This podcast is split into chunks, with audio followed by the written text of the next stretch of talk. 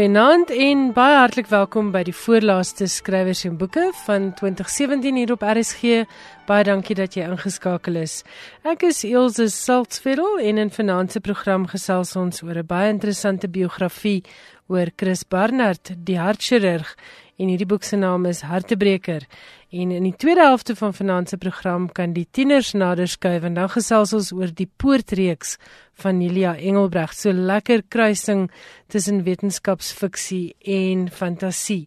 En Johan Meiberg is 'n bietjie later in die ateljee met interessante internasionale boeke nuus.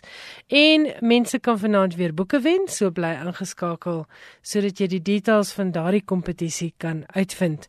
Verlede week het ek 'n baie aangrypende onderhoud uitgesaai met Elsa Huber. Suzette Kotse Meiberg het in Kaapstad met Elsa gesels ter viering van Elsa se 95ste verjaarsdag en hulle het gepraat oor spertyd Elsa Huber se derde deel van haar outobiografie. En die kommentaar het ingestroom. Baie baie dankie vir al die SMS'e. Ek kan ongelukkig nie almal lees nie. Daar was heeltemal te veel. Maar baie dankie vir almal wat laat weet het hulle het dit geniet. Hier is so 'n paar SMS'e. Marita van Oos-London het geskryf: "Baie dankie, dit was 'n wonderlike voorreg om na so 'n fyn, sterk vrou en woordkunstenaar te luister. Dit maak 'n mens opnuut trots en dankbaar oor ons erfenis. Baie baie dankie ook vir die musiek. Dit was 'n verrykende program." Michael, 'n Engelse luisteraar het laat weet what a wonderfully inspiring interview. Viva RSG for standing head and shoulders above other SABC radio stations. Baie dankie Michael. Piet Eis van Melkbosstrand het laat weet uitstekende gesprek met Elsa Huber. Baie dankie. Marie in die Parel het laat weet nog 'n Engelse luisteraar. Elsa Huber, depth in simplicity, a remarkable woman. Thank you RSG for the program this evening. Marlene Huystek het gesê skrywers en boeke hoe ongelooflik inspirerend, boeiend en sommer net heerlik. Baie dankie vir hierdie program. Erika van Astonby het laat weet ek luister nie normaalweg na die skrywersprogram nie, maar vanaand se program was baie interessant. Ek het groot agting vir Elsa Huber. Lank lewe sy. Erika van Astonby luister gerus meer kere na skrywers en boeke. Iemand anoniem het laat weet Elsa, jy sê jy kyk na jou hande. Ek ook, maar ek gebruik hulle nog baie. Ek is nou 72, maar my voete is so hartseer. Ek gebruik hulle nog om te loop, maar ek sal nooit weer so kan dans soos ek gedoen het op Zorba se dans nie. Dis alles my hart se skuld. Hy wil net nie spoed vat nie. Baie goeie jare vorentoe. En hierdie luisteraar het natuurlik ook gereageer op die Zorba se dans, die musiek wat ons gespeel het saam met Elsie Huber se onderhoud. Melita Lou het gesê, "Wat is Siraat? Is hierdie uitsonderlike vrou met soveel diepte en intellek nie. Baie dankie Elsa Huber vir wat jy aan Suid-Afrika geskenk het. Dit is van onskatbare waarde. Iemand het laat weet baie dankie vir Poppy Elsa Huber. Ek onthou nog hoe ek gehuil toe ek die boek gelees het. Dan het iemand vir my 'n briefie geskryf na skrywers en boeke. Dit is Rihanna de Beer wat gesê het wat 'n program, wat 'n persoon en nou het Beethoven in al die kosbaarheid my in trane. Die boek het my wel oortuig dat elke dag van my lewe die moeite werd is en dat 'n mens elke dag moet lewe op so 'n manier dat dit tel. Na my ma se Alzheimer 10 jaar van moeilike afskeid van die lewe was, was ek maar bang vir die ouderdom. Maar ook weens hierdie en ander boeke en ook die liefde tussen my en my ma en ook weer my eie kinders en kleinkinders is ek nie meer nie. Nie omdat ek net voorspoed en vrolikheid verwag nie, maar omdat 'n mens soos Elsa Huber op verskillende maniere verwoord besig is met kosbare reise. Reise deur die wêreld daar buite, maar ook veral binne toe. Dit is Rihanna de Beer se pragtige epos in reaksie op die Elsa Huber onderhoud wat ons verlede week uitgesaai het. Baie dankie daarvoor. Almal wat laat weet het hulle dit geniet. As jy nog hierdie onderhoud geluister het nie, gaan luister dit gerus op Potgooi. Dis in skrywers en boeke van 6 Desember uitgesaai. Nou om na Potgooi te luister is baie eenvoudig. Jy gaan na ons webwerf www.rsg.co.za, klik op Potgooi en dan volg jy die maklike stappe daaronder. En onder die hele lang lys programme gaan jy net na skrywers en boeke en dan is al die programme van die afgelope jaar of 3 daaronder saamgevat. Nou bring ons hulde aan iemand anders. Dit is die hartpionier Chris Barnard. Ek gesels met iemand wat 'n baie interessante biografie geskryf het oor Chris Barnard.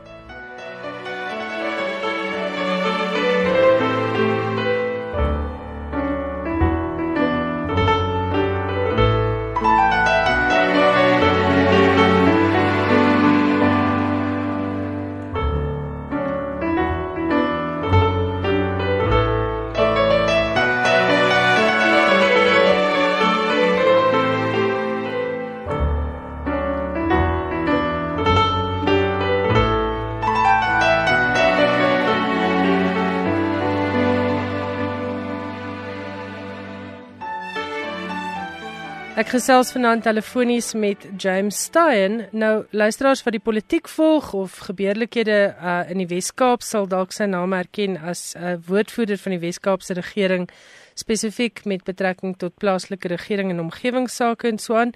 Maar James, jy's eintlik 'n joernalis. Baie welkom by Skrywers en Boeke en ons gaan vanaand gesels oor jou tweede boek. Mm, baie dankie, lekker om te wees. Goed, jy het bekend geword vir 'n boek oor Eskom korrupsie so 'n paar jaar gelede. So die boek se naam was Blackout the Eskom Crisis en ek het dit so 2015 is dit gepubliseer ook deur Jonathan Ball. En uh, ek was vir so 10 jaar joernalis gewees sake spesifiek en later in die in die parlement as politieke verslaggewer vir vir die Media 24 dagblaaie en die naweekblaaie. En ehm um, Ja, dit, terwyl ek daar was, het ek in deur my loopbaan ook in Johannesburg as sakejoernalis het ek geskryf oor die uh, staatsinstellings insluitende Eskom ook uh, die Suid-Afrikaanse lugdiens en die hele katoet. En ehm um, gebaseer op die agtergrond en het ek die storie oor Eskom geskryf tot en met uh, omtrent 2015 net voor Brian uh, Molefe aangestel is as die nuwe uitvoerende hoof. En toe gaan jy nou Weskaap uh, regering toe, jy word 'n staatsamptenaar, maar intussen het jy aanhou skryf en dit is nou oor daardie volgende boek wat ek vanaand met jou wil gesels. Dit is 'n boek oor Chris Barnard, wyle professor Chris Barnard, die hartpionier en jou boek se naam is Hartebreker en ek het dit nou die naweek onder oë gehad. Dis dit lees heerlik. Dit lees soos 'n storie. Dit is regtig waar baie baie lekker geskryf. Vertel vir my van die die vonk vir hartebreker en natuurlik vertel vir ons van die werk wat daarin gegaan het. Kyk ek in die Kaap ry ons op die jy weet ek ry huis toe elke middag en uh, ons ek sit soms maar ook in die verkeersfase en hulle was besig met die nuwe Netcare hospitaal. Netcare Christian Barnard Hospitaal reg langs die uh, die snelweg. Dit het my aanvanklik terwyl ek was het net eendag gedink maar wat weet ek eintlik van Chris Barnard af?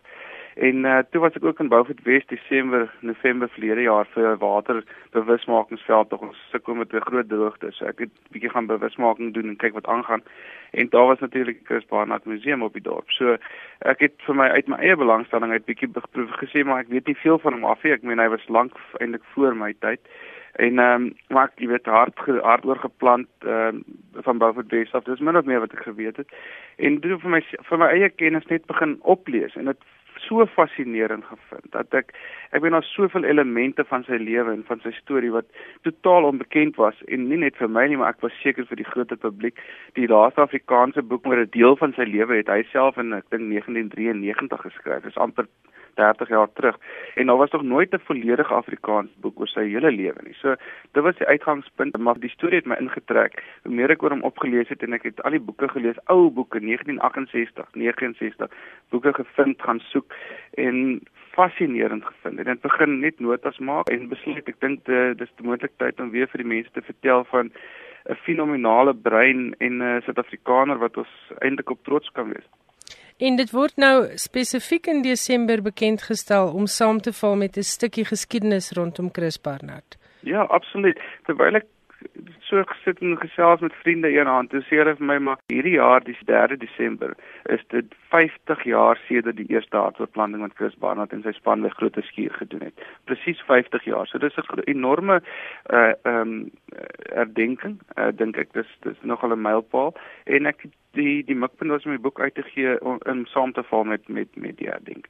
Jy raak ook in die boek en dit was 'n hoofstuk wat ek baie fascinerend gevind het aan die navorsing wat gelei het tot die eerste hartoortplanting. Al die mense wat betrokke was by al die ehm um, eksperimente op honde en bobbejane en so aan. En natuurlik weet ons almal van Hamilton Naki, die man wat 'n eremeestersgraad ook van die Universiteit van Kaapstad gekry het, as ek nou reg onthou, vir sy bydrae tot die hartoortplantingsnavorsing.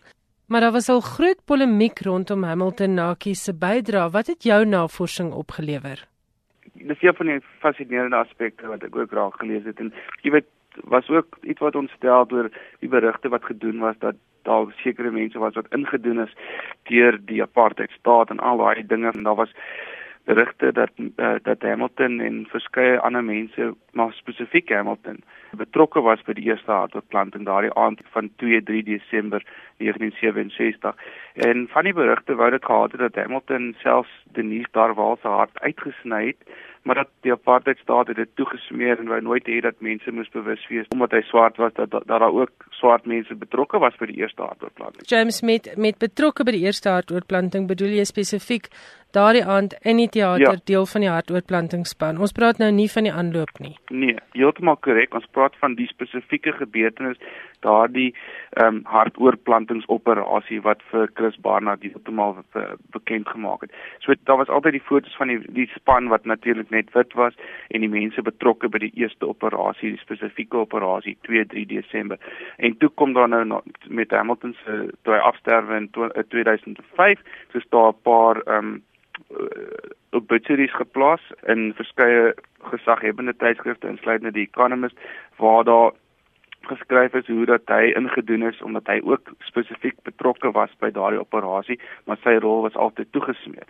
Ek wou absoluut dit net ondersoek en jy weet bekend maak en dit was fascinerend om te sien Hamilton was nie die enigste persoon betrokke by navorsing in die aanloop tot die eerste operasie. Daar was 'n hele span swart en bruin mans wat betrokke was in die diere laboratorium. So daar was 'n navorsingslaboratorium by uh, die Universiteit van Kaapstad waar Chris Barnard en sy span al hulle eksperimentele werk gedoen het en hulle navorsing gedoen het wat gelei het tot want jy kan nie net 'n hartoortplant jy moet eers oefen jy moet kyk wat die beste manier om dit te doen en hulle het dit gedoen op diere grootliks honde.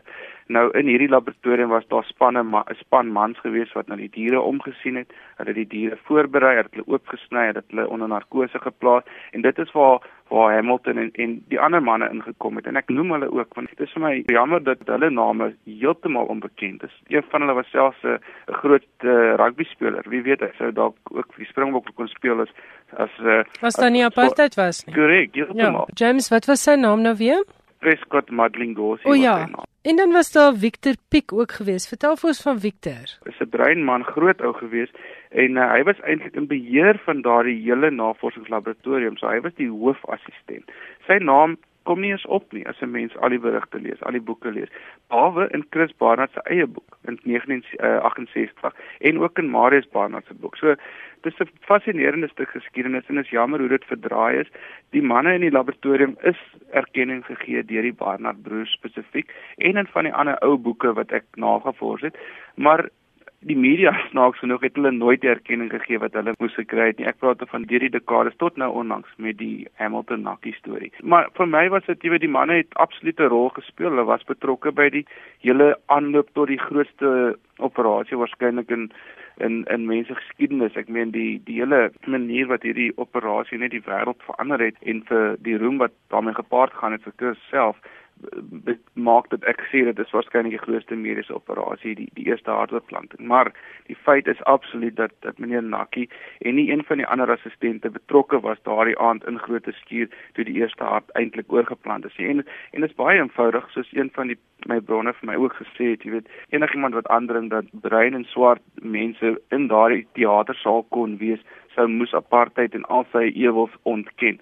En ek meen dit is net eenvoudig sodat hulle nie in die teater sou toegelaat kon gewees het nie. En 'n ander ding is ook hulle was nie gekwalifiseerde mediese dokters nie. Dis die tragiese realiteit van apartheid dat hulle nooit die kans gehad het en begin is om te studeer as mediese praktisyns.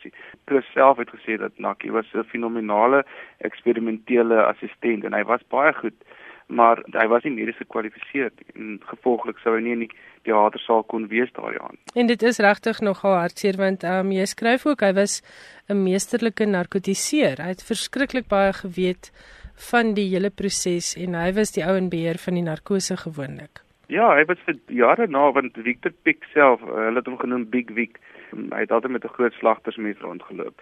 Uh hy was tragies oorlede in 1969 in 'n motorongeluk en uh, nadat Victor dood is het het Nakkie soort van die hoofassistent in daai laboratorium geword vir dekades en ek het met baie van sy ou kollegas gesels en hulle kan nie uitgepraat raak oor die man wat 'n goeie persoon hy was nie en ehm um, daar's geen twyfel dat hy baie baie kundig was ook nie en ek probeer ook in die boek vir die ander manne wat ook daar was 'n bietjie net in die in die lig plaas Goed, kom ons kom na Chris Barnard se persoonlike lewe. Dit was kleurryk. En um om die minste daarvan te sê, hoe het jy daardie stuk van sy lewe gehanteer in Hartebreker? Ek het probeer om 'n gebalanseerde boek te skryf. Dit was ek dink my uitgangspunt. Baie van die vorige mees onlangse boeke oor Chris Barnard na my mening is redelik uh, negatief teenoor die man. En ek het probeer om meer gebalanseerd te wees. Ek jy weet die man het absoluut hy was Neil Armstrong. Hy was mooi aantreklik, hy was slim. Hy het altyd 'n antwoord gehad op alles.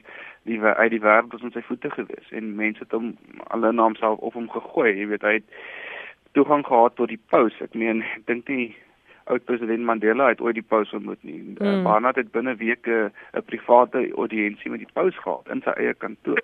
Dit is net fenomenaal en ek bly uit oor sy drie huwelike wat hy gehad het en uh, wat gebeur het met elkeen van hulle. Ek was baie bevoorreg om met die oorlewendes te kon gesels en hulle was baie goed gunstig teenoor die projek en ek's baie dankbaar daarvoor maar ek hanteer dit met deernis sover ek kan maar uh, sonder om te veel doekies om te draai. So ek dink mense gaan die storie weer geniet. Baie van dit is moontlik tot 'n mate bekend maar ek dink daar's baie brokkies wat nog onbekend is wat vir hulle interessant sal wees Ek het dit baie geniet veral omdat jy nie 'n droë dokumentêre uh Wikipedia tipe boek geskryf het nie. Jy het 'n baie menslike, baie warm storie geskryf. Ek het byvoorbeeld glad nooit geweet van sy pa se geskiedenis voordat hy 'n sendeling geword het nie. Dit was is werklik jy weet al ons baie wat mense ook nog in die boek sou wou sit maar jy's beperk altyd deur deur plek en die narratief wat jy probeer skryf. So dit was vir my fascinerend. Ek meen sy pa klink werklik soos asof hy heilige was en die wyf wat hy opgestaan het teen groot onderdrukking van veral baie mense in die Brouwvoetwes gemeenskap en die prys wat sy eie gesin daarvoor moes betaal. Mm. Jy weet 'n mens kan net hoop om, om so te wees en om op te staan vir vir mense wat onderdruk word en uh vir my was dit ja werklik uh, dit was 'n fascinerende verhaal. Ek het dit werklik geniet. Ek dink wanneer mense 'n projek aanpak soos om 'n boek te skryf, jy weet dit het my omtrent 'n jaar gevat sou ek sê na ure. Dis dis maar harde ure wat mense moet insit. As die projek nie werklik boeiend is nie, jy weet jy wil jy tot uitvind maar wat het toe gebeur en hoe dit gewerk en jy weet dan doen die onderhoude met mense en die vrae vir hulle, maar hoe was dit daai tyd en hoe was hy eintlik? Was hy so ongeskik soos wat ons sê of was hy maar net dit was sy way of the highway, jy weet, of hoe mm. was hy met met vroue? Het hy hulle sleg behandel of het hy maar net gesê, "Wel, as iemand in my belangstel, dan hoekom sal ek nou nee sê?" Jy weet, jy moet 'n projek kry wat vir jou regtig interessant is en dit was baie beslis die geval met hierdie storie. Wat was vir jou die verstommendste ontdekking wat jy gemaak het in hierdie jaar se navorsing en skryf oor Chris Barnard? Dit is baie moeilik. Ek ek sal graag die publiek se mening daaroor wil toets oor die volgende paar maande om te sien want die was verskeie elemente. Daar's te veel om te noem, maar kom ek noem twee. Sy navorsing voor die hartoperasie. Hy het hy het ander mediese deurbrake gemaak wat mense totaal onbewus is. Ek meen hy het absoluut enorme deurbrake gemaak met medisyne vir kinders veral en hy was baie lief vir kinders en hy het aan die einde van sy lewe gesê dat as hy kind kies dan sal hy nie onthou wil word vir sy rol met die eerste hartoortplanting maar vir wat hy gedoen het om kinders te help. En dit was fascinerend geweest. Hy het hy het as jong medikus eh, groot deurbrake gemaak en met werklik armoedige, armlastige kinders wat geen hoop het nie. Hy het 2 jaar deurgebring met 'n studie vir tuberkulose meningitis. I mean, daai daai beskrywing van hom, hy sê hy loop die aand in die in die saal in die so in die stadshospitaal vir aansteeklike siektes en hy loop daar in en hy hoor hoe hierdie babas huil en hy sê dit klink soos die gange van die hel. Hy sê die gange van die hel moet weer galm van daai geluid van daai kinders wat so huil. En hy hy spandeer 2 jaar van sy lewe om in daardie saal te werk om daai kinders te probeer help. Ek meen dit is enorm. Vir my was dit fascinerend. En 'n ander ding wat interessant was, was net hoe radikaal hy was. Ek meen hy het hy het in 1960 toe gaan hy agter die eistergordyn in Moskou en ek het dit ook nie geweet nie omdat hy gehoor het dat daar was hierdie radikale Russiese chirurg wat oorplantings gedoen het en allerlei maalgoed gedoen het waarvan die, die wêreld baie onbewus was. Onnatuurlik die eisergordyn het beteken dat mense nie geweet het wat daar aangaan nie en hy het toesluit hy wil gaan kyk. En ek dink ons sal op ons hand kan tel hoeveel wit Suid-Afrikaners in 1960 Moskou toe gereis het. En hy het gegaan en hy was goed ontvang en hy het net goeie woorde vir hulle gehad en hy en die Russe die Russiese mediese bedryf was baie lank goeie bondgenote gewees. Vir my was dit ook 'n fascinerende blik op 'n man wat net radikaal was en wat gesê het, "Wel, wat moet ek doen om iets te kan bereik?" En hy het dit gedoen. Die armoede van hulle gesin was vir my openbaring. Ek het nie geweet hulle was so arm nie en ook sy hardwerkendheid om binne 2 jaar 'n uh, doktorsgraad en 'n meestersgraad in Amerika te verwerf wat normaalweg wat het jy geskryf 4 5 jaar sou geneem het 2 jaar ja, en 9 maande 6 jaar plus ja so dit moet onthou word dat daai tyd die universiteit waartoe hy gegaan het Universiteit van Minnesota in Michigan daai was werklik die ek skryf as die Silicon Valley van chirurgie gewees want dit was waar al die wêreld se top deurbrake vir borschirurgie vir al harte vandaan gekom het oop hart chirurgie hart um, baie van die hart um, die werk op harte. So al die wêreld se top mense was daar. En hier gaan Chris Barn van Suid-Afrika soen toe. En die ou wat daar in charge was sê na die tyd dat van al die top top top mense wat daar was, was Chris Barn die beste. En Chris doen dit omdat hy nie baie geld gehad het nie, hy was teen daai tyd getroud geweest en sy vrou en twee kinders was aanvanklik by die huis bly omdat hy nou voltydse student geword het gaan hy en hy sê vir die ou ek wil spesialiseer in hierdie ek wil dit en ek wil daarin en hy sê dit gaan jou so 6 jaar vat. En hy sê ek het net 2 jaar. En dit vat net 2 jaar 9 maande. Is nou nog 'n universiteitsrekord. Dit is 'n fenominale prestasie En tussendeur het hy sneeu gegrawe en uit intuine gewerk, gras gesny om sakgeld te kry om te kan oorleef tydens die Amerikaanse studies. Absoluut en hy en hy spot nou later jare en hy sê al wat hy geleer het van dit was dat jy nie kan geld maak deur sneeu te skoffel nie. Ek hoop mense lees die boek. Ek dink daar's daar's verskeie dinge om na op te kyk, baie dinge wat ek geleer het oor die man wat fenomenaal was en die hele annotoriaatoorplanting. Hier dit dit was nie net 'n ding wat oornag gebeur het nie. Daar was groot kompetisie geweest. Die Amerikaanse chirurge was eintlik die wêreld ver vooruit hulle het groot begrotings gehad. Ek bedoel ons praat van 'n land wat die aardbeplanning beskou het saam met die die reis na die na die maanlanding. So daar was groot begrotings gegee, groot programme gehad en hier kom 'n span uit Kaapstad uit uh, op 3, 3 Desember 1967 en plan die eerste menslike hart suksesvol oor. En die wêreld wat die wêreld as verstom. Baie media berigte na die tyd het gesê maar Hulle was nie eens bewus daar's hospitale in Afrika nie. Wie is hierdie mense? Hoe het hulle dit reg gekry? En eh, tot 'n mate dink ek ook dit was wat aanleiding gegee het tot die wêreld wat heeltemal ontplof het, want almal wou kom kyk hoe het dit gebeur? Hoe was dit moontlik? Sekerlik kon dit nie waar wees nie. En toe kom hulle hier en hulle sien wel, hier is nie net 'n hospitaal nie, hy werk goed en die span is kundig, hulle weet wat hulle doen en nou is dit 'n aantreklike ou wat goed welsprekend is. Dit was dit was 'n fascinerende storie.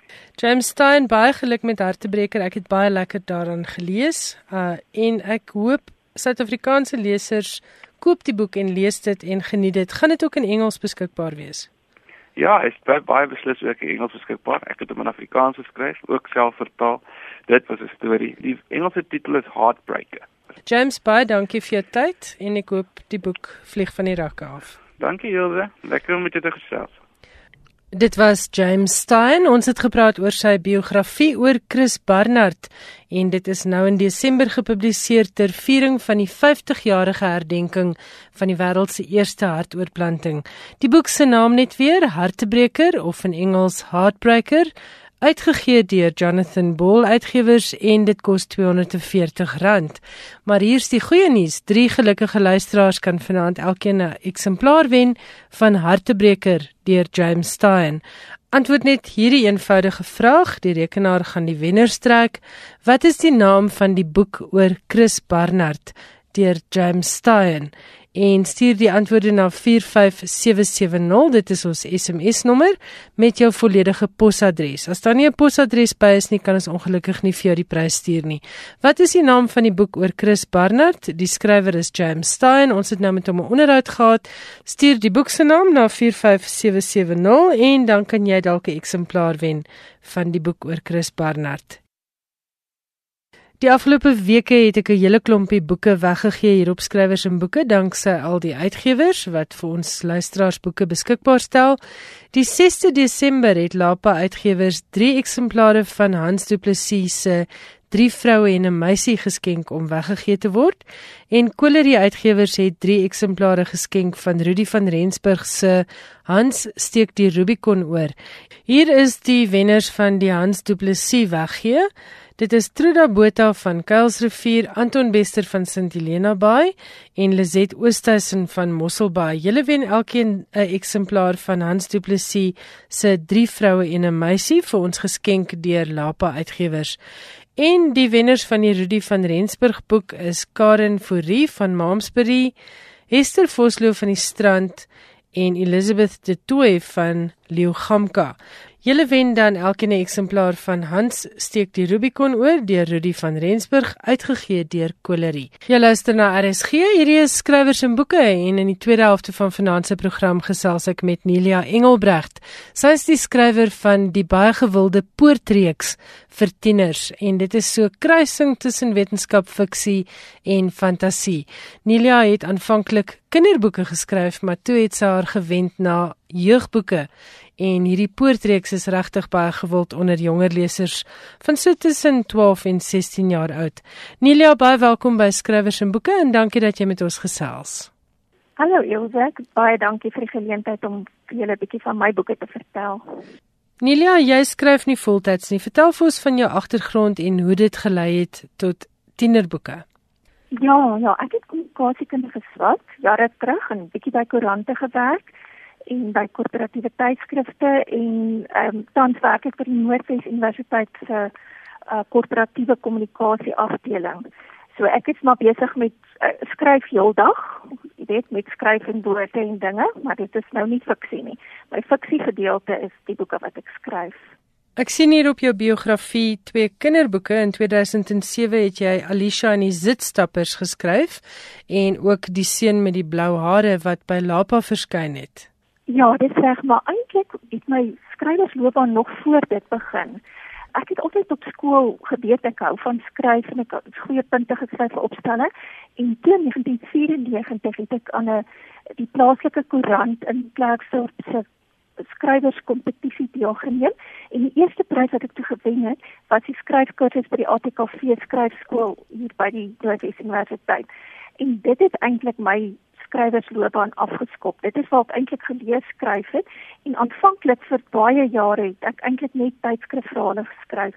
Ek het om waarheid te sê deur my loopbaan van toe af tot nou toe het ek omtrent 72 tydskrifverhale gepubliseer in verskillende tydskrifte. So dit is eintlik waar ek begin het en dit was 'n baie goeie leerskool, maar toe wou ek dat ek nou lus om bietjie die boeke ding ook te probeer en aanvanklik nog voordat ek die kinderboeke probeer het, het ek so bietjie hierdie liefdesverhaal genre ook uh, geskryf vir Lapa, maar ek was nogal geïnteresseerd in kinderboekskrywery en toe het Lapa 'n uh, 'n werkswinkel aangebied uh, waar prof. Fransie Greiling wat hier by die universiteit is, 'n uh, werk die werkswinkel aangebied het en dit het my eintlik laat besef maar ek is baie lus vir kinderboek skryf en dit is waar die kinderboeke begin het en toe ek maar so half outomaties gegroei en gedink um, goed maar wat van tienerboeke? Want ek het nog altyd gehou van tienerboeke. Ek het nog altyd tienerboeke gelees ook. Ek weet nie hoekom vir die kind in my is wat nog dink sy is in die tienerstadium of wat nie. Maar dit is hoe ek nou op die ou en by tienerboeke beland het en ek moet vir jou sê ek is mal daaroor. Dit skryf my vreeslik lekker. Die seun met die blou hare was nog wel 'n kinderboek, miskien vir eerste lesers en bietjie ouer. Uh dit het met Madame de Nobel was ehm um, so ek dink so 8, 9 jariges. Die die eerste jeugverhaal wat ek geskryf het was uh Pandora se boks. Dit het in 2009 by Tafelberg verskyn en ek het dit ook geskryf omdat ek ingeskryf het vir Tafelberg se kompetisie. Um, ek het nou wel nie die eerste prys gewen daar nie, maar die boek is uitgegee. En die boek het die Skepersprys verower wat eintlik ja. maar die die Hertzogprys is vir uh, tienerfiksie en 'n ATKV kinderboektoekenning verower en dit is 'n groot prestasie want daarvoor stem die jong lesers self. Ja, dis reg. Ja, ja, ek was baie my skik daarmee. Nilia, ons kom terug na die Poortreeks. Dit word beskryf as iets tussen die Twilight boeke, Harry Potter en The Hobbit. Wat was jou inspirasie daarvoor en vertel ons 'n bietjie meer van die reeks? Ja, weet jy, ek het self begin fantasie lees al meer um, vir jong volwassenes en ook vir volwassenes. En dit het gedink maar ons het nie regtig boeke daaroor hierdie genre in Afrikaans nie. En ek dink ek nou sien nou maar net hierdie hoofkarakter is nie 'n Amerikaanse tiener of 'n Britse tiener nie en dit speel nie in Hogwarts af nie, maar dit speel iewers op 'n gewone plattelandse dorp in Suid-Afrika af en dit is gewone plattelandse tieners wat nou skielik hierdie kragte en magte ontwikkel. En dit is waar die idee van die poort ontstaan het. Die karakters in die poortreeks is nogal kosmopolitaans. Vertel vir ons 'n bietjie van hulle. Dit is regtig waar verteenwoordigend van die reënboognasie. Ja, ek het ek het spesifiek besluit om die karakters, die groep vriende so te kies dat dit um, vers, uit verskillende kultuurgroepe kom. Want ek dink ons ons kinders leef in 'n in 'n uh, omgewing waar daar verskillende kultuurgroepe is en ek ek dink dit doen hulle goed om in boeke ook te lees. En die hoofkarakter is Kali en ek het haar naam spesifiek gekies as Kali want dit is 'n Hindu godin van oorlog en verwoesting en dit dui 'n bietjie op haar latere rol as kryger. Hier meer na die einde van die reeks toe. Aan die begin is sy maar redelik van 'n junk poli sy uh, baie emosioneel en uh, redelik onvolwasse maar sy groei baie deur die reeks maar nou moet ek ook sê uh, dit klink of die reeks sy oor 'n vreeslike lang tyd afspeel maar eintlik is dit nie. Dit is so van die van die begin van die jaar af hulle skooljaar tot omtrent sien die einde van die april vakansie dis eintlik nie baie lank nie maar die gebeure is redelik intens so dit bied ruimte vir die karakters om te groei. En dan is in, in hierdie vriendekring is daar dan ook twee ander meisies, Nomsa Shapunta en ek het haar spesifiek so gekies omdat die Shapunta was regtig prinses gewees in die ou antieke tyd by die Zimbabwe reïnes. En dan het ek vir Tara gekies wat eintlik 'n Ierse agtergrond het want ek het nogal in my kop gehad om een van die boeke iewers in Ierland te laat afspeel. Die ouens wat ook deel van die groep is, is Zak Hy is 'n baie dierbare, baie oordentlike Afrikaanse seun, regte hoofseun materiaal. maar en sy is verlief op hom Kali, dit hulle twee se item, hulle twee saam. Maar dan is daar ook hierdie arrogante, baie slim Italianer. En Leonardo Contarini het ek ook die naam ook so gekies want ek het ook gedink om dalk 'n gedeelte van die reeks in Venesië te laat afspeel en ek het bietjie opgelees en daar was regtig die prinses van Venesië was die Contarinis gewees. Dit het nogal vir my baie mooi gepas al hierdie verskillende kulture in die groepie. Jy luister na skrywers en boeke en ek gesels met Nelia Engelbregt oor die Poortreeks. Nou drie gelukkige tieners kan vanaand die hele reeks wen. Dit is die Poortreeks uit die pen van Nelia Engelbregt. Al wat jy moet doen om in aanmerking te kom vir die prys is gee vir my die naam van hierdie reeks as ook jou ouderdom en SMS dit na 45770 met jou volledige posadres. Nelia, vertel vir ons so 'n bietjie meer van die Poortreeks. Um, ek gaan agtergrond gee vir wat is die poort. Die poorte is plekke op die aarde waar daar toegang is of poorte is deurgange is na ander dimensies en of ander galaksies. En hierdie bewakers is 'n groep mense wat oral is by hierdie poorte en hulle um, is verantwoordelik vir die bewaking van hierdie poorte sodat die ander en dit is nou anders met die hoofletter wat nou in hierdie ander galaksie bly nie kan deurkom nie. Want dan in hierdie boek een begin die vroue van van Bospoort die dorp waar die, hierdie groep uh, vriende is. Begin die vroue so een na die ander verdwyn en selfs Tara se ma word ontvoer.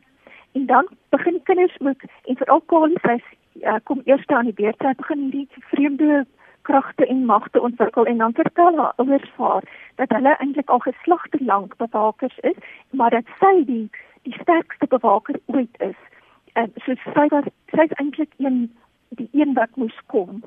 En dit plaas haar natuurlik ook onder baie spanning. Sy sê eintlik baie lus vir hierdie rol nie. Sy sou jou eerder 'n gewone tiener wil wees. Die reeks speel op verskillende plekke af. Die eerste boek speel meestal op Bospoort af en by die rotspoel buitekant die dorp. En die, in daai rotspoel het kom iets soort van per ongeluk die deurgang na die poort ontdek want hulle het nie presies geweet daar anders het nie geweet presies waar is hierdie deurgang nie. En Tara se maane ontvoer word te besluit hierdie klompie wat hulle gaan nou self soek en eintlik mag hulle glad nie die raad van bewakers is baie gekant daarteen. Hulle uh, mag nie sonder toestemming allerlei avonture onderneem nie, maar hulle het besluit ter wille van Tara omdat sy hulle maat is, uh, gaan hulle nou deur hierdie poort gaan en hulle gaan nou haar ma soek. En toe hulle deur die poort kom, toe kom hulle nou op hierdie ander planeet want hulle kom te baie gou agter hulle is nou nie meer op die aarde nie, want hierdie ander planeet het twee pragtige persmane wat dadelik vir hulle gesê het goed, hulle is nou in 'n ander galaksie.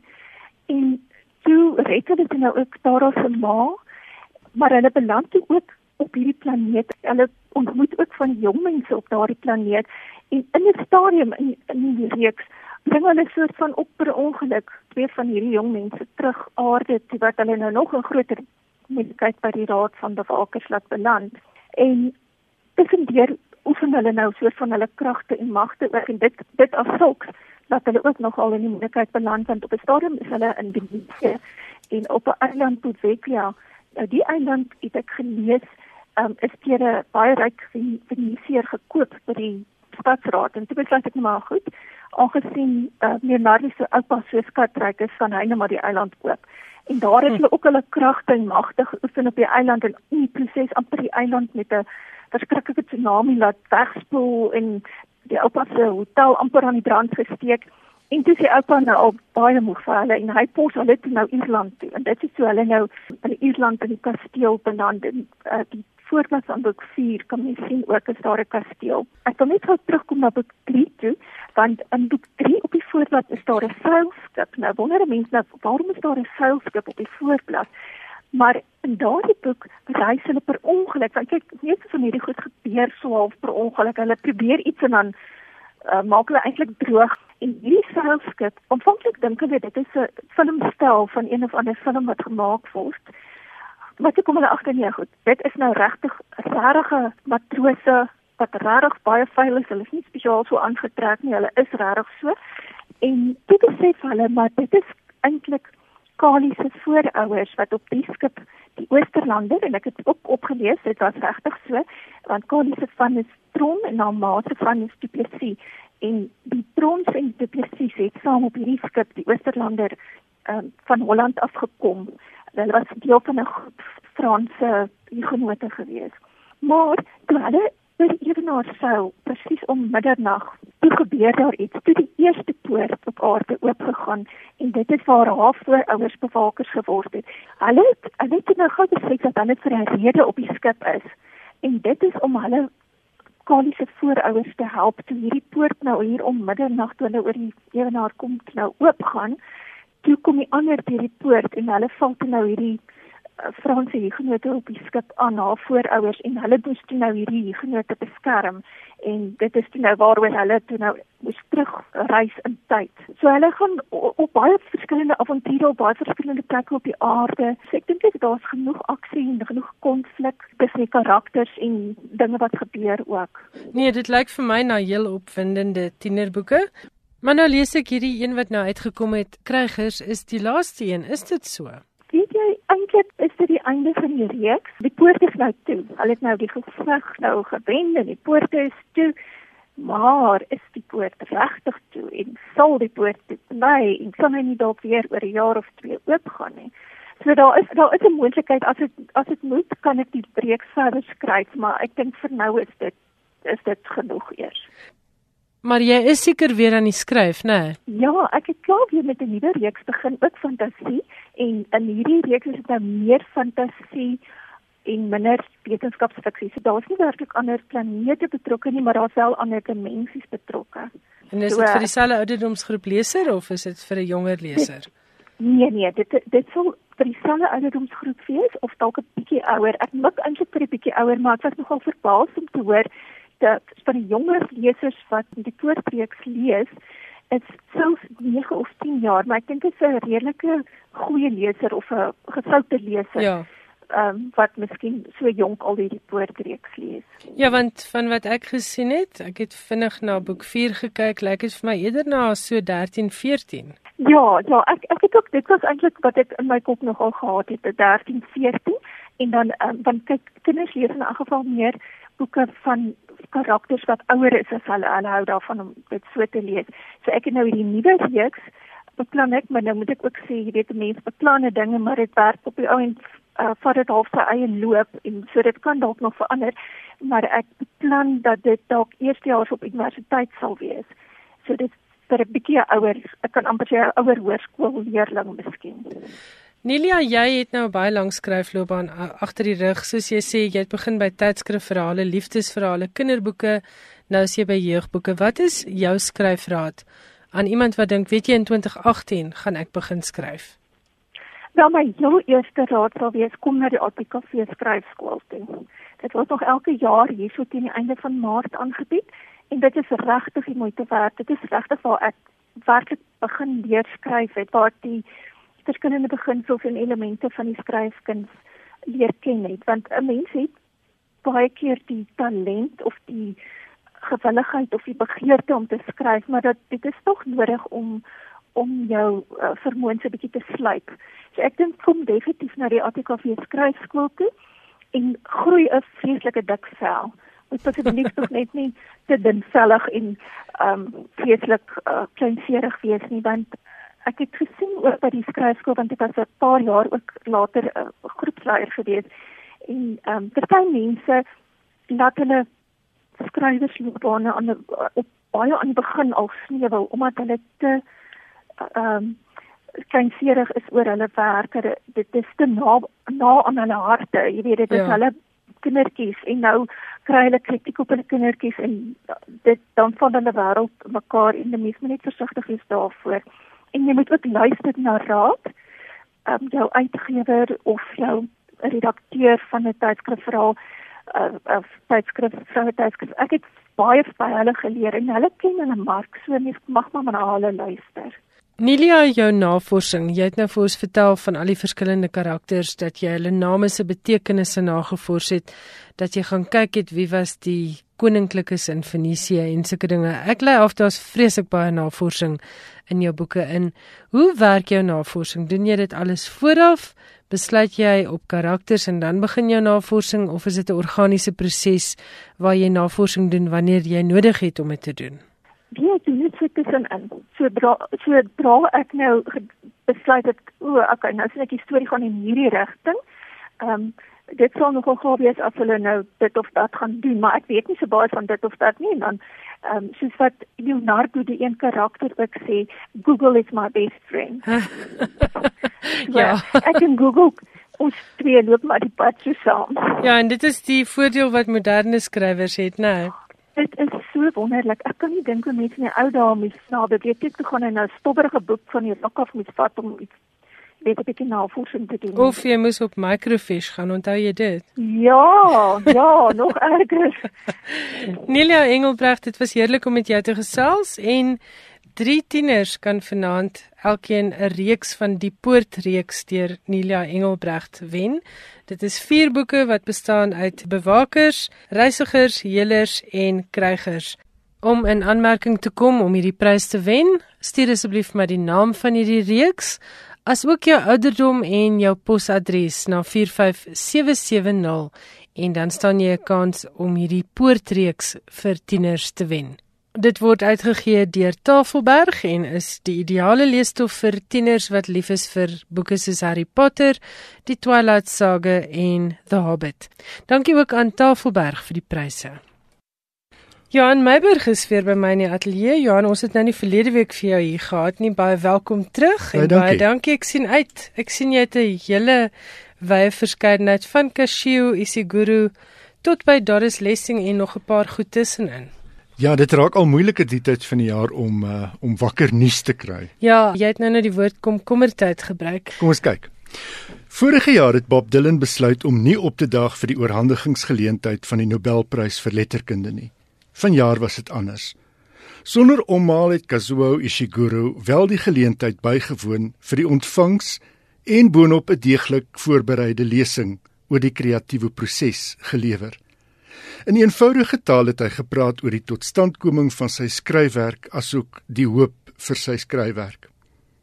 Die Amerikaanse uitgewer Knopf het aangedui dat hy die lesing publiseer onder die titel My 20th Century Evening and Other Small Breakthroughs. Die volledige toespraak is reeds beskikbaar op die Nobelprys se webwerf. Ishiguro het belangrike momente wat sy kreatiewe proses gevorm het uitgesonder. Hy wou oor Japan skryf, het hy gesê, die land waarvandaan hy saam met sy ouers verhuis het na Engeland toe hy 5 was. Ondanks die feit dat hy nooit terug was nie, wou hy sy wortels in sy werk verken. Dit was egter lank voor die omarming van multikulturele letterkunde in Brittanje, het hy gesê. Wat eintlik A Pale View of Hills sy eerste roman geword het, was dus 'n voorstelling van Japan saamgestel uit herinneringe en die lewenstyl wat sy ouers gehandhaaf het in hul huis in Surrey. Hy het besef dat dit wat hy homself verbeel het, waarskynlik onherkenbaar sou wees vir mense in Japan van die vroeë 1980s. Ek het besef dat my Japan, het hy gesê, waarskynlik nie korrespondeer met enige plek waarheen 'n mens ook al 'n vliegtuig kan haal nie dat die Japan wat in my kop bestaan niks meer is nie as 'n emosionele konstruksie wat ek saamgestel het as kind uit herinnering, verbeelding en spekulasie. Hoe ouer ek geword het, hoe dowwer en dowwer het my Japan begin word. Waaraan hy homself oorgegee het, soos in die geval met talle ander emigrante, ontheemdes en ontworteldes, is die dokumentering van die verlede deur middel van gesprekke met ouer familielede en die insigte van ou fotoalbums. Sy lesing wat 'n mens sou kon beskryf as 'n immigrant se verlange na die verbeelde tuiste, het hy afgesluit met 'n tweevoudige pleidooi. Eerstens moet die letterkunde wêreld uitgebrei word om stemme aanderkant ons gemaksones in te sluit, het hy gesê, en met die gemaksones het hy bedoel die eerste wêreld. En tweedens moet ons sorg neem dat ons tog nie te konservatief is in ons definisie van wat goeie letterkunde is nie. Die volgende generasie, het hy gesê, gaan met nuwe maniere vorendag kom om wonderlike stories mee te vertel. Dis veral met betrekking tot die genres dat ons oopoog moet wees vir ontwikkelings. Hier lees Kashuo Ishiguro nou die eerste paar paragrawe uit sy jongste boek, The Buried Giant van 2015. You would have searched a long time for the sort of winding lane or tranquil meadow for which England later became celebrated. There were instead miles of desolate, uncultivated land, here and there rough hewn paths over craggy hills or bleak moorland. Most of the roads left by the Romans would by then have become broken or overgrown, often fading into wilderness. Icy fogs hung over rivers and marshes, serving all too well the ogres that were then still native to this land. The people who lived nearby, one wonders what desperation led them to settle in such gloomy spots, might well have feared these creatures, whose panting breaths could be heard long before their deformed figures emerged from the mist. But such monsters were not cause for astonishment. People then would have regarded them as everyday hazards, and in those days there was so much else to worry about how to get food out of the hard ground, how not to run out of firewood, how to stop the sickness that could kill a dozen pigs in a single day and produce green rashes on the cheeks of children. In any case, ogres were not so bad, provided one did not provoke them. One had to accept that every so often, perhaps following some obscure dispute in their ranks, a creature would come blundering into a village in a terrible rage and despite shouts and brandishings of weapons, rampage about injuring anyone slow to move out of its path. Or that every so often an ogre might carry off a child into the mist. The people of the day had to be philosophical about such outrages. Dit was aan die stem van Isiguro uit voorgeles uit The Buried Giant En Johan het gesels oor die ontvangstoespraak wat hy gelewer het by die Nobelprys vir letterkunde. Wat's volgende? Verlede jaar het 'n oorywerige joernalis die persoon agter die skrywersnaam Elena Ferrante uitgesnuif en aan almal wat wou weet en nie weet nie verkondig. Ferrante het nog altyd geskuil agter haar skrywersnaam omdat, soos sy voorheen gesê het, sy die anonimiteit nodig het om te kan skryf.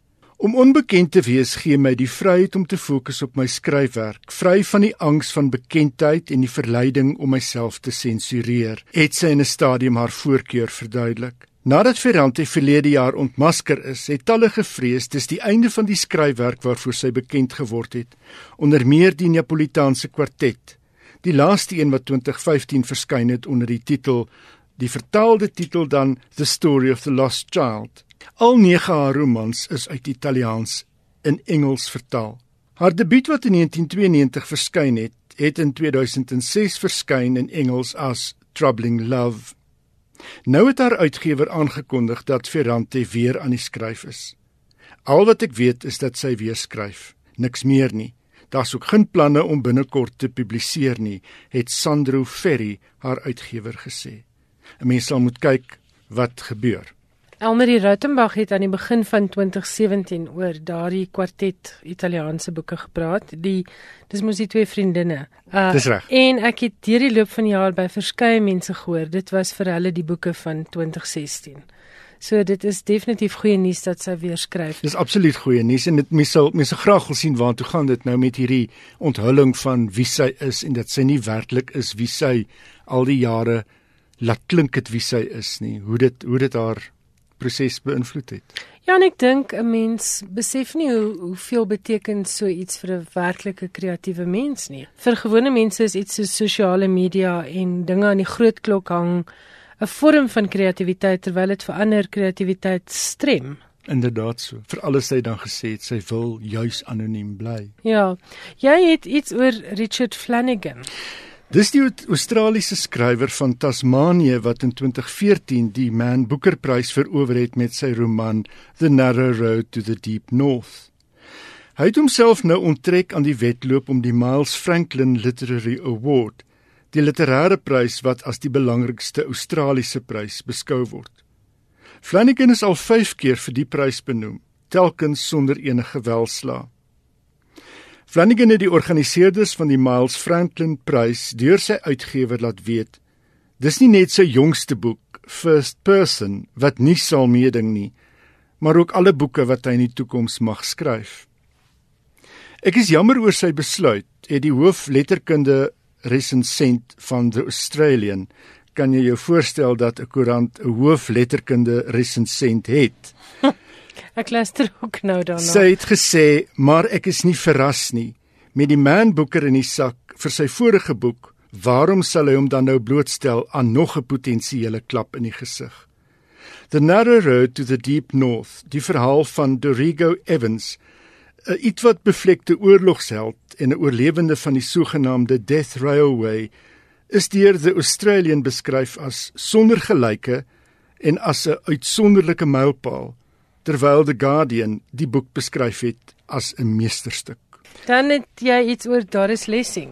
Die Nobelprysmedalje wat Doris Lessing in 2007 ontvang het toe sy die prys verower het, kom van dese week onder die hamer in 'n veiling wat Christie's in Londen aanbied. Die medalje kan volgens die veilinghuis tussen 2,7 en 4,5 miljoen rand haal. Nog net een medalje van 'n Nobelpryswenner vir letterkunde is voorheen op 'n veiling verkoop Die van André Gide wat verlede jaar vir 4,8 miljoen rand in Parys verkoop is. Sotheby's het tevore die medalje van William Faulkner op 'n veiling te koop aangebied, maar geen kopers is gevind nie. Lessing was nie danig gestel op eerbetoon nie. Toe sy in 1977 in kennis gestel is dat sy die orde van die Britse Ryk kan ontvang, het sy 'n beleefde brief aan die private sekretaris van die Britse premier geskryf en die eerbetoon van die hand gewys. Hoewel sy gevlei was, het sy geskryf: "Kon sy vir geen oomblik dink waar die Britse ryk kan wees nie. En omdat die Britse ryk nie bestaan nie, kan sy geen eerbetoon in die naam van die ryk aanvaar nie." Op 87 was Lessing die oudste ontvanger van die prys. Sy is in 2013 dood in die ouderdom van 94.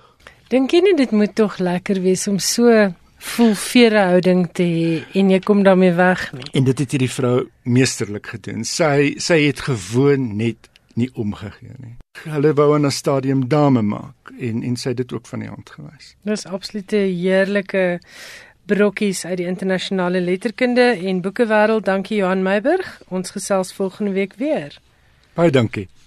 Dit was dan finansies skrywers en boeke. Baie dankie dat jy saam geluister het. As jy e-pos wil stuur, die adres is skrywers en die SMS-nommer soos altyd 45770. Ek wens julle almal wat luister 'n geseënde, vreugdevolle en rustige Kerstyd toe. En natuurlik hoop ek Kersvader het vir jou 'n klomp boeke gebring. Tot volgende Woensdag gaan hier op RSG. Tot sins van skrywers en boeke en van my Elsje Salzwetel.